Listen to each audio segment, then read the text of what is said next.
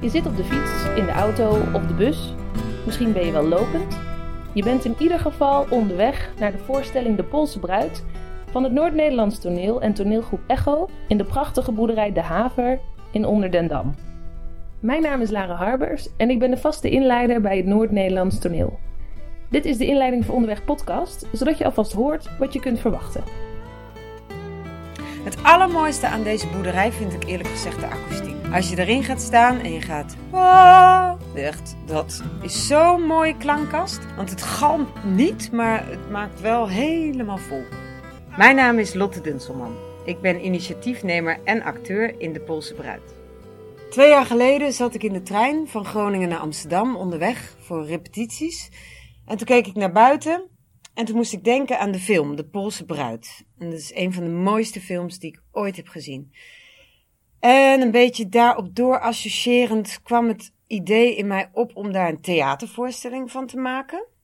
Maar ik dacht dat moest vast al lang gebeurd zijn, want dat is natuurlijk een open doekje. En, eh, maar ik ging even googlen voor de zekerheid en toen kon ik helemaal niks vinden. Dus toen kwam ik erachter dat het gewoon nog niet gebeurd was. En waarom? Ja, dat is eigenlijk, ik, toen ik die film ook weer ging kijken, los van dat het heel erg mooi is, het is gewoon een heel mooi verhaal, eh, is het ook twintig jaar later nog steeds relevant en misschien wel relevanter. De landbouw is in sneltreinvaart uh, high-tech uh, geworden. En we hebben vaak nog het beeld, en burgers hebben vaak het beeld nog van de, de rurale idylle, zou je kunnen zeggen, van een, het leven der gerusten landmans. Um, die bedrijven die bestaan nog wel een beetje, maar dat zijn zeg maar, en dat ligt wel een beetje in de lijn met de, de, de boer in de Poolse bruid. Dat zijn vaak oude vrijgezelle boeren die denken van nou het duurt mijn tijd wel, ik heb ook niet zoveel nodig en ik doe niet, verder niet ingewikkeld mee. Maar het grootste deel van de bedrijven is technisch en economisch modern. Ik ben Dirk Strijker, ik werk op de Rijksuniversiteit in Groningen bij de faculteit Ruimtelijke Wetenschappen en daar ben ik hoogleraar plattelandsontwikkeling. Maar ik ben eigenlijk opgeleid als landbouweconoom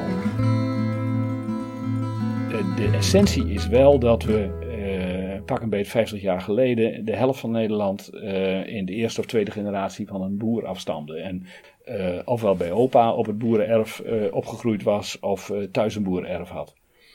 Um, dat percentage dat is ondertussen naar, ik weet niet, 4% of zo gedaald. Dus de directe ervaring is veel minder intensief aanwezig dan die was. Ik heb natuurlijk aan de ene kant heb je nog dat ouderwetse idee, maar ik weet inmiddels dat het gewoon een bedrijf is, het boerenbedrijf. En in die zin is daar weinig romantisch aan. Maar het is uh, hard werken, heel hard werken. Laten we het even over de akkerbouw uh, hebben. Hoe een, uh, een boer zijn, zijn jaar en zijn, zijn tijd besteedt. Als je het op de schaal van een jaar zet, dan is in de akkerbouw het hollen en stilstaan. In de voorjaarsperiode moet er, zo gauw het weer en de omstandigheden zich verlenen, moet er heel veel tegelijk de grond in. Ehm, vervolgens is het wat rustiger, moet er wat gespoten worden zo nou en dan en gecontroleerd en weet ik wat. Maar dan is het allemaal wat te overzien. Dat is ook het moment dat veel boeren op vakantie gaan. Een beetje net voor de zomervakantie, als, je, als er de kleine kinderen zijn. En dan komt vervolgens zo vanaf Eind juli uh, komt uh, de oogsttijd en daar geldt weer voor, dat is, uh, dan moet er plotseling weer heel veel tegelijk. Want vaak is dat oogsten geparkeerd in een schema van de fabriek die het spul afneemt. Dus dan moet het op een bepaald moment klaar liggen. Maar je kunt niet op elk moment oogsten vanwege weer en, en, en hoe nat het is en zo. dus dat is hollen en stilstaan. En dan is de winters weer relatief rustig. Dan is machineonderhoud, dan is het dingen bijleren en dat soort dingen. En ja, dat, dat spiegelt zich ook in de dag uh, van zo'n uh, akkerbouwer. Als het uh, oogsttijd is of zaaitijd, is hij dag en nacht bezig zo ongeveer. Dan wordt er echt weinig geslapen. Zeker als het een korte slot is, gegeven het weer. Hè, dat je ziet van nou, het moet nu en anders hoeft het niet meer. of heb ik vertraging of weet ik wat. Um, en andere periodes is het zeker voor akkerbouwers is het veel, veel, veel rustiger. En kunnen ze hun eigen tijd veel meer indelen. In die zin is het een groot verschil met, met melkveehouders bijvoorbeeld. Die gewoon twee keer per dag in de melkput moeten staan.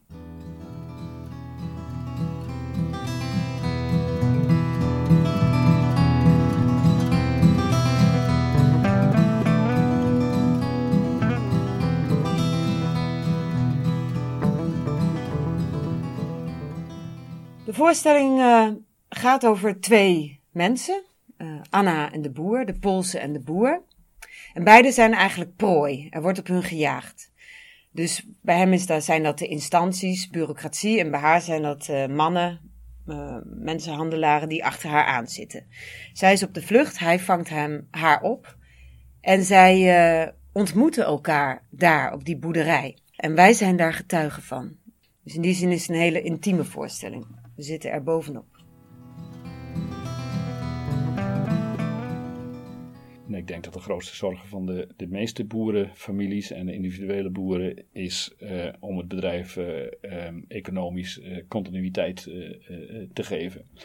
In, in fluctuerende omstandigheden met een vaak groot deel of een aanzienlijk deel van het bedrijf, en zeker in absolute bedragen, gefinancierd door derden, van, door, nou, laten we zeggen door de Rabobank de zorg is dan toch bij heel veel boeren: red ik het om uh, keurig mijn hypotheken uh, op tijd af te betalen. zonder dat ik op het kantoor hoef te komen of in een bijzondere uh, registratie kom, of hoe, dat maar heten mogen. Ik denk dat dat alweer zorg is. en de, de hele korte termijn zorg, en dat geldt nog steeds voor, voor heel veel boeren, is werkt het weer mee en hou ik de dierziektes buiten de deur. Eh, boeren zijn heel zichtbaar in het landschap. Uh, want uh, nog steeds meer dan de helft van de oppervlakte van Nederland is, is landbouwgrond. Dus zo gauw je buiten de steden komt, dan zie je landbouw. Dat, tegelijkertijd ehm, is voor veel burgers toch redelijk vaag wat, wat die landbouw eigenlijk bijdraagt. Het is nog steeds, als je het hele veld van, van dat dan in moderne termen heet, agro-food uh, bij elkaar telt in Nederland, dan ga je nog steeds in de richting van 10% van ons nationaal inkomen. Boeren hebben het nu niet slechter dan 50 jaar geleden, maar hebben te maken, ze hebben het beter. Uh, gemiddeld genomen ligt hun inkomen dichter bij, zeker Nederlandse boeren.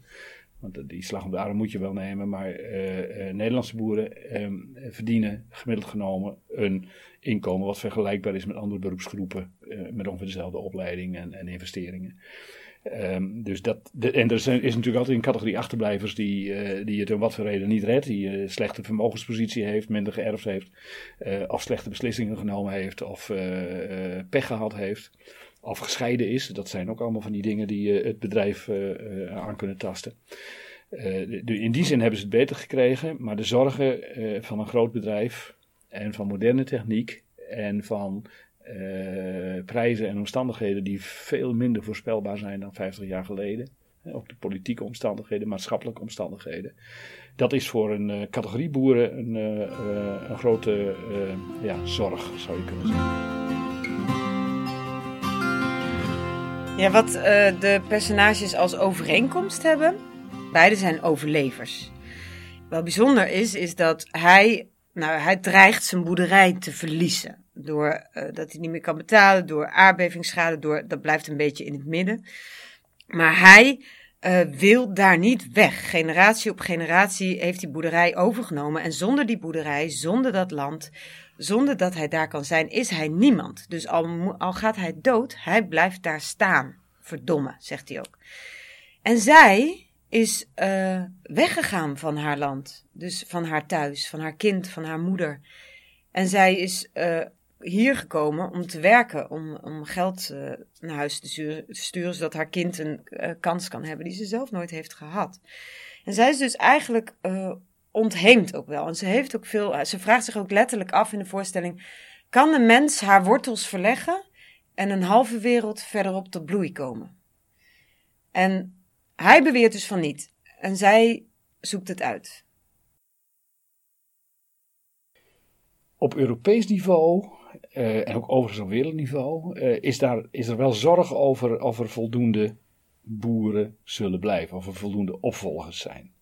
In Nederland is dat uh, feitelijk niet echt een probleem, maar het gekke is dat elke keer, en dat zie je de beleidsmakers ook doen, en ook mensen die er wel verstand van hebben, dan zeggen we ja, er is wel een zorg, want de gemiddelde leeftijd van het bedrijfshoofd is toch erg hoog. Dat is in Nederland 55 jaar of zoiets.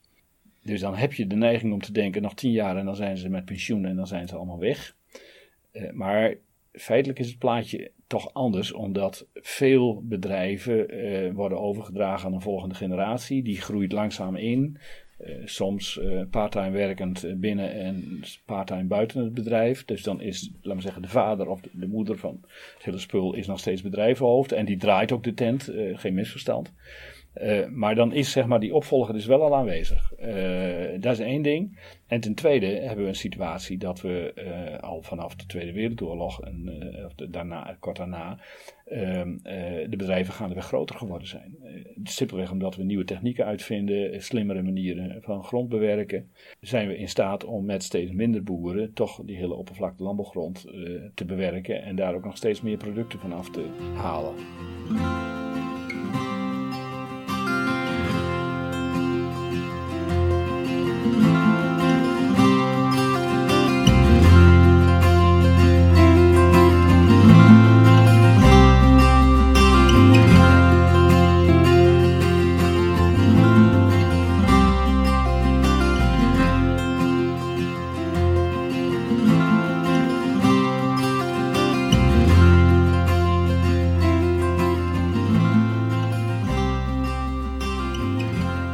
Ben op zoek gegaan naar een locatie. Ik wilde dus heel erg graag uh, dat, het zich, uh, dat we een locatievoorstelling zouden maken, niet in de zaal.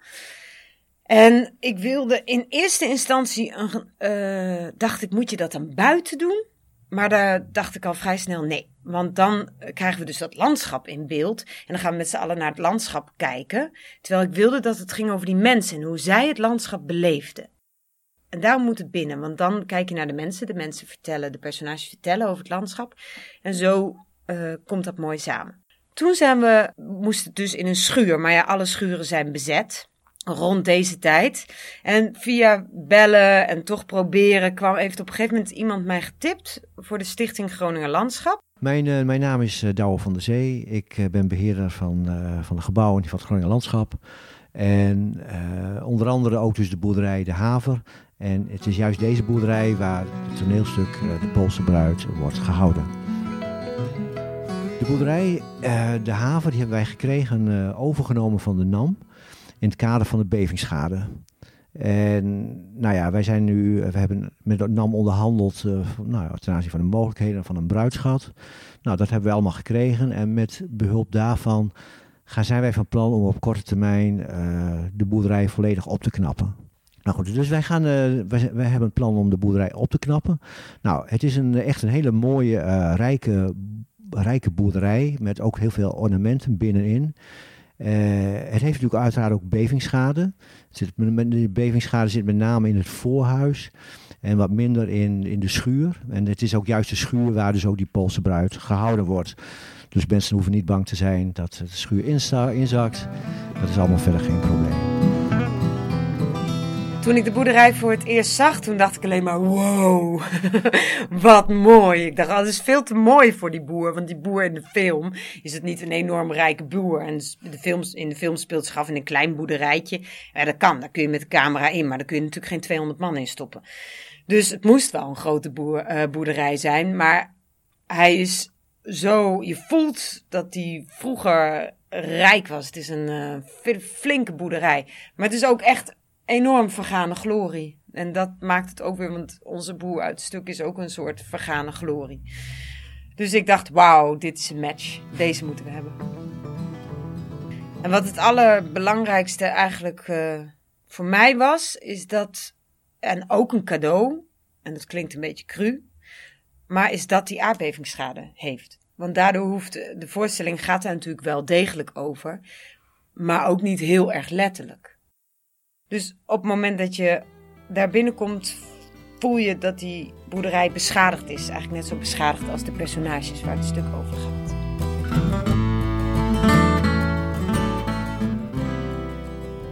Nou ja, als je aankomt, dan kom je meestal waarschijnlijk, nou stel we komen vanaf Bedem en dan rij je richting Onderdendam. Dan zie je aan de rechterkant zie je uh, nou, eigenlijk de eerste grote boerderij aan de rechterkant. Het is een, nou ja, je hebt allerlei typen heb, boerderijen heb je, maar dit is dan het type Oldamster. Uh, en het is een echt een hele mooie grote boerderij. Kenmerk van het Oldamster is dat het, eh, de daklijn van het voorhuis tot de schuren gewoon dat het doorloopt. Dus alles zit eigenlijk onder één dak. Het is vroeger is het een akker, uh, akkerbedrijf geweest. Ze hadden wel wat vee, maar dat was er meer, meer ja, een beetje voor de bij, voor eigen gebruik. Maar het is toch altijd wel een akkerbedrijf geweest. De boerderij is gebouwd in eind 1800. En, maar het is wel op een hele luxe manier gebouwd. De, de kap is beschoten, dat betekent met planken voorzien. Hè? Planken onder de dakpannen. Het is, is ook gewoon, ook als je kijkt naar de, de, degelijkheid, het is gewoon echt een, echt een mooie boerderij. In ieder geval een boerderij om te bewaren voor de toekomst. En wat ik heel mooi vind aan de boerderij en de omgeving is dat het echt een eiland is. Dus hij, het eerste volgende boerderij is heel ver weg. En hij staat aan het water. En als je, maar als je uit de schuur komt en je kijkt het uh, pad af. Het pad vind ik ook waanzinnig mooi. Heel, je kijkt zo enorm lang pad. Dan zie je gewoon alleen maar weiland. Niks.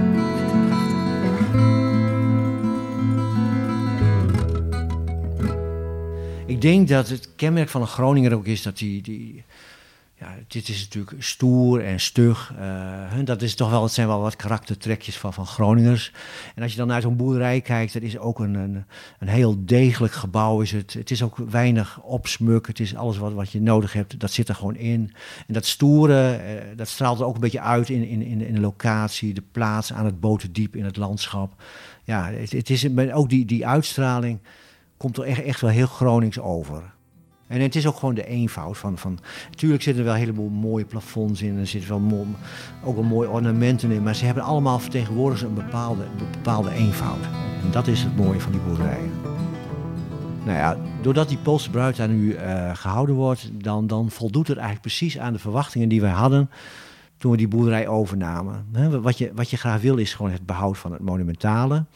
Nou, in dit geval maken we dus een nieuwe woonruimte in de schuur. Het voorhuis, dat gaan we dan heel mooi opknappen. Nou ja, we zetten het gewoon weer terug in zijn eigen kracht.